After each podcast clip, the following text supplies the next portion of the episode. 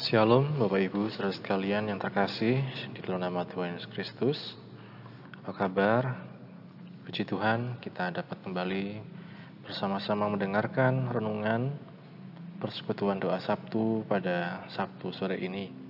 Mari sebelum kita masuk dalam firman Tuhan, kita berdoa terlebih dahulu. Bapa, kami bersyukur untuk kesempatan yang kau beri pada kami Tuhan. Di sore hari ini kami akan belajar dari firman-Mu. Mari Engkau yang tolong setiap kami untuk kami dapat mengerti, untuk kami dapat memahami, untuk kami dapat terus Tuhan hidup di dalam kebenaran firman-Mu Tuhan. Dan Roh Kudus mampukan kami untuk menjadi pelaku firman-Mu. Berkati setiap kami Tuhan yang sudah siap Tuhan untuk mendengar firman-Mu Tuhan. Kami bersyukur Bapa dalam nama Tuhan Yesus kami berdoa. Haleluya. Amin. Bapak Ibu Saudara sekalian, pada sore hari ini kembali kita akan melanjutkan pembahasan dari kitab Mazmur ya. Di Sabtu yang lalu kita sudah sampai di Mazmur pasal yang ke-20 dan saat Sabtu hari ini kita masuk pada Mazmur pasal yang ke-21 ya. Mazmur pasal 21 akan saya bacakan mulai dari ayat pertama sampai ayat yang terakhir ya. Mazmur 21 mulai dari ayat 1 untuk pemimpin biduan Mazmur Daud. Tuhan, karena kuasamu lah raja bersuka cita. Betapa besar kegirangannya karena kemenangan yang daripadamu. Apa yang menjadi keinginan hatinya telah kau karuniakan kepadanya dan permintaan bibirnya tidak kau tolak, Selam. Sebab engkau menyambut dia dengan berkat melimpah. Engkau menaruh mahkota dari emas tua di atas kepalanya. Hidup dimintanya daripadamu. Engkau memberikannya kepadanya. Dan umur panjang untuk seterusnya dan selama-lamanya. Besar kemuliaannya karena kemenangan yang daripadamu. Keagungan dan semarak telah kau karuniakan kepadanya Ya, engkau membuat dia menjadi berkat untuk seterusnya. Engkau memenuhi dia dengan sukacita di hadapanmu.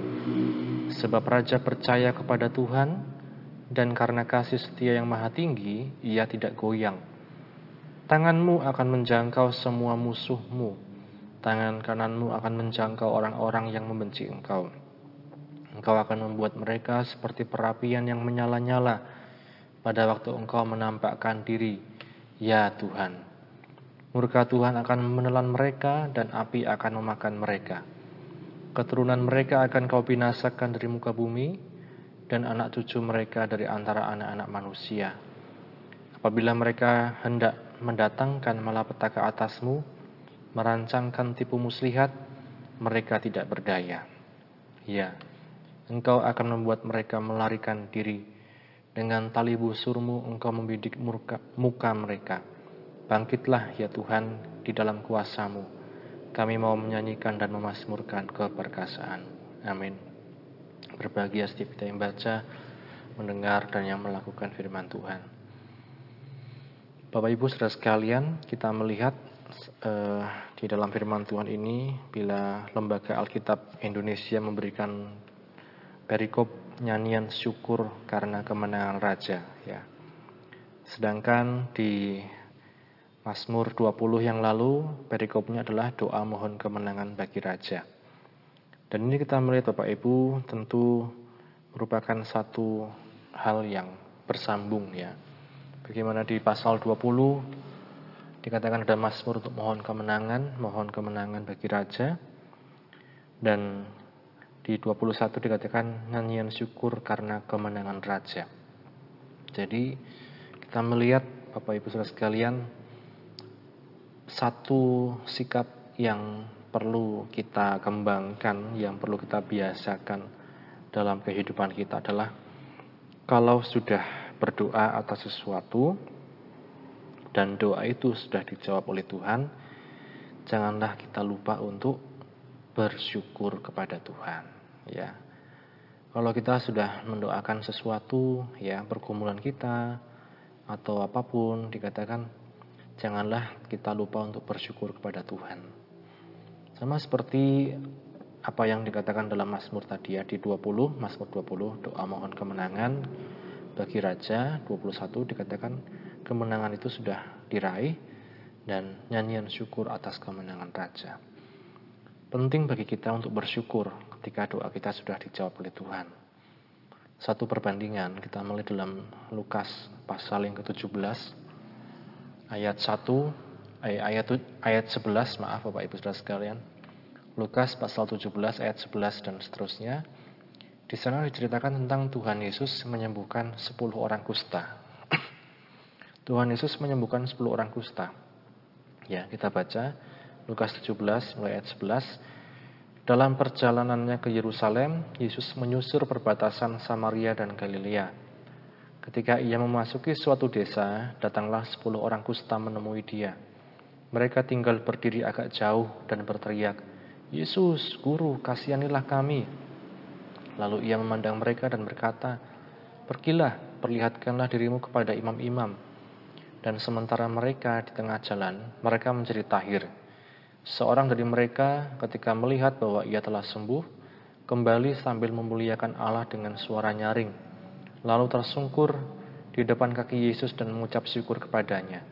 Orang itu adalah seorang Samaria. Lalu Yesus berkata, Bukankah ke sepuluh orang tadi semuanya telah menjadi tahir? Di manakah yang sembilan orang itu?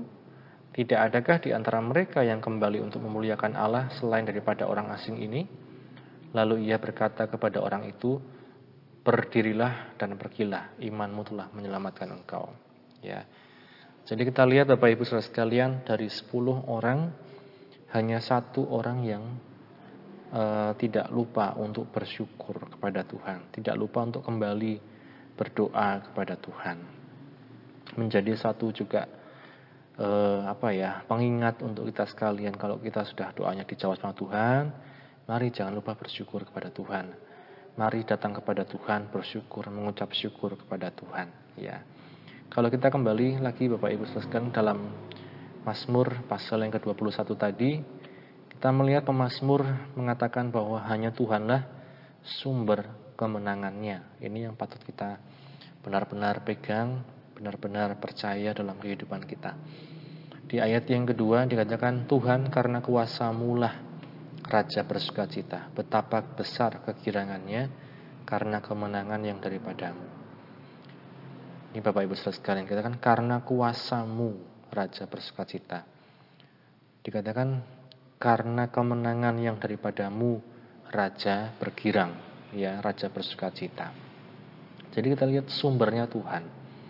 Kita bisa bersuka cita, kita bisa mendapat kemenangan itu karena Tuhan. Karena kuasa Tuhan, karena pertolongan Tuhan. Apa yang menjadi keinginan hatinya telah kau karuniakan kepadanya dan permintaan bibirnya tidak kau tolak. Ya. Doa kita, keinginan kita dikatakan hanya bisa dijawab bukan karena kita hebat, tetapi dikatakan karena karunia Tuhan. Karena diberikan oleh Tuhan, ya. Nah ini Bapak Ibu prinsip dalam kehidupan kita bahwa Tuhan itulah yang menjadi sumber kemenangan kita, sumber sukacita dalam kehidupan kita. Ayat yang keempat, sebab engkau menyambut dia dengan berkat melimpah. Engkau menaruh mahkota dari emas tua di atas kepalanya. Hidup dimintanya daripadamu, engkau memberikannya kepadanya, dan umur panjang untuk seterusnya dan selama-lamanya Besar kemuliaannya karena kemenangan yang daripadamu, keagungan dan semerah telah kau karuniakan kepadanya. Nah ini Bapak Ibu sekalian, katakan kemenangan, keagungan, semarak, umur, panjang, ya, hidup, ya, berkat, kemudian apalagi kekuasaan hanya bisa diberikan oleh Tuhan. Manusia bisa mengusahakan dengan kekuatannya sendiri, tapi kita melihat Tuhanlah yang mempunyai kuasa di atas segala-galanya. Dalam kehidupan Daud sendiri kita melihat dia orang yang diremehkan ya. Di antara saudara-saudaranya dia hanya menjaga kambing domba di padang e, gembalaan ya. Tapi ketika Tuhan mau ketika Tuhan mau mengangkat dia, tidak ada yang bisa menghalangi ya siapa pun itu. Dan itu yang terjadi ketika juga Daud melawan Goliat ya dia tidak sebanding dengan Goliat yang sudah berpengalaman dalam perang. Tapi kita lihat ketika Tuhan berkuasa memberikan kemenangan, memberikan dikatakan apa ya, hikmat kepada Daud ya sehingga dia bisa menang. Kita lihat bahwa Tuhanlah yang punya kuasa, Tuhanlah yang pegang andil dalam kehidupan Daud.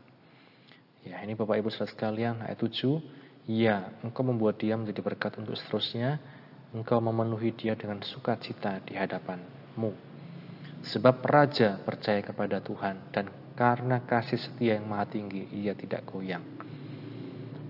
Kuncinya di ayat yang ke-8. Dikatakan raja percaya kepada Tuhan dan ia tidak goyah karena apa? Kasih setia daripada Tuhan. Ya. Ini Bapak Ibu Saudara sekalian, kalau saya katakan kalau kita percaya sama Tuhan jangan percaya menanggung, jangan percaya setengah-setengah. Percayalah sampai orang lain orang lain itu tidak percaya kalau kita bisa percaya seperti itu. Ya. Sekali lagi percayalah sampai orang lain tidak percaya bahwa kita bisa percaya sampai segitunya ya. Tanganmu akan menjangkau semua musuhmu, tangan kananmu akan menjangkau orang yang membenci engkau. Engkau akan membuat mereka seperti perapian yang menyala-nyala pada waktu engkau menampakkan diri ya Tuhan. Murka Tuhan akan menelan mereka dan api akan memakan mereka. Ini untuk orang-orang yang dikatakan menjadi musuh, orang-orang yang melawan Tuhan orang-orang yang tidak percaya kepada Tuhan. Dikatakan suatu saat nanti Tuhan sendirilah yang akan berhadapan dengan mereka. Ya, bahkan dikatakan keturunan mereka akan kau binasakan, anak cucu mereka. Kemudian dikatakan mereka yang merancang tipu muslihat, mereka semua justru akan berlari dan dikatakan Tuhan sendiri yang akan melawan mereka. Ayat 14, bangkitlah ya Tuhan dalam kuasamu, kami mau menyanyikan dan memasmurkan keperkasaanmu ya dalam hidup ini kita bisa memiliki mungkin orang-orang yang dalam tanda kutip itu tidak suka ketika kita ikut Tuhan, ketika kita setia pada Tuhan, ketika kita melayani Tuhan dan lain-lain. Tapi mari tetaplah bersama dengan Tuhan, berada dalam jalan kebenarannya. Di tempat kerja mungkin kita dibenci, kita tidak disukai karena iman kita atau mungkin karena prinsip yang kita pegang sesuai dengan firman Tuhan, tapi tetaplah bersama dengan Tuhan. Justru Tuhanlah yang akan menjadi lawan bagi mereka. Ya. Karena tetap percaya Bapak Ibu Saudara sekalian, pertolongannya, kasih setianya dalam kehidupan kita itu dikatakan selalu ada, selalu nyata. Percaya kepada Tuhan, kasih setia Tuhan itu yang membuat kita tidak goyang. Amin. Firman Tuhan ini yang bisa saya sampaikan pada sore hari ini. Mari sama-sama kita berdoa. Bapak kami bersyukur untuk firman-Mu yang telah kami baca, kami dengarkan, dan kami renungkan. Biarlah Tuhan kami menyadari bahwa Engkaulah sumber segalanya. Setiap kami ada pergumulan, setiap kami ada masalah, setiap kami mungkin ada berbagai macam hal yang orang lain tidak tahu. Tapi mari Tuhan ajar kami untuk percaya sepenuhnya padamu, terus bergantung pada kasih setiamu Tuhan. Kami bersyukur ya Bapa memberkati setiap anak-anakmu Tuhan yang sudah mendengar firman-Mu, yang sakit disembuhkan, yang lemah dikuatkan, yang susah dihiburkan, yang sedang alami masalah Engkau berikan jalan keluar ya Tuhan. Ibadah besok minggu juga Engkau yang tolong Tuhan, agar dapat berjalan dengan baik. Acara Paskah sholat minggu juga Engkau yang tolong Tuhan, agar semua dapat berjalan dengan lancar karena kasih setiamu. Kami bersyukur, ini doa kami Tuhan. Dalam nama Tuhan Yesus Kristus kami sudah berdoa mengucap syukur. Haleluya. Amin. Puji Tuhan, Bapak Ibu Saudara sekalian, Tuhan Yesus memberkati. Amin.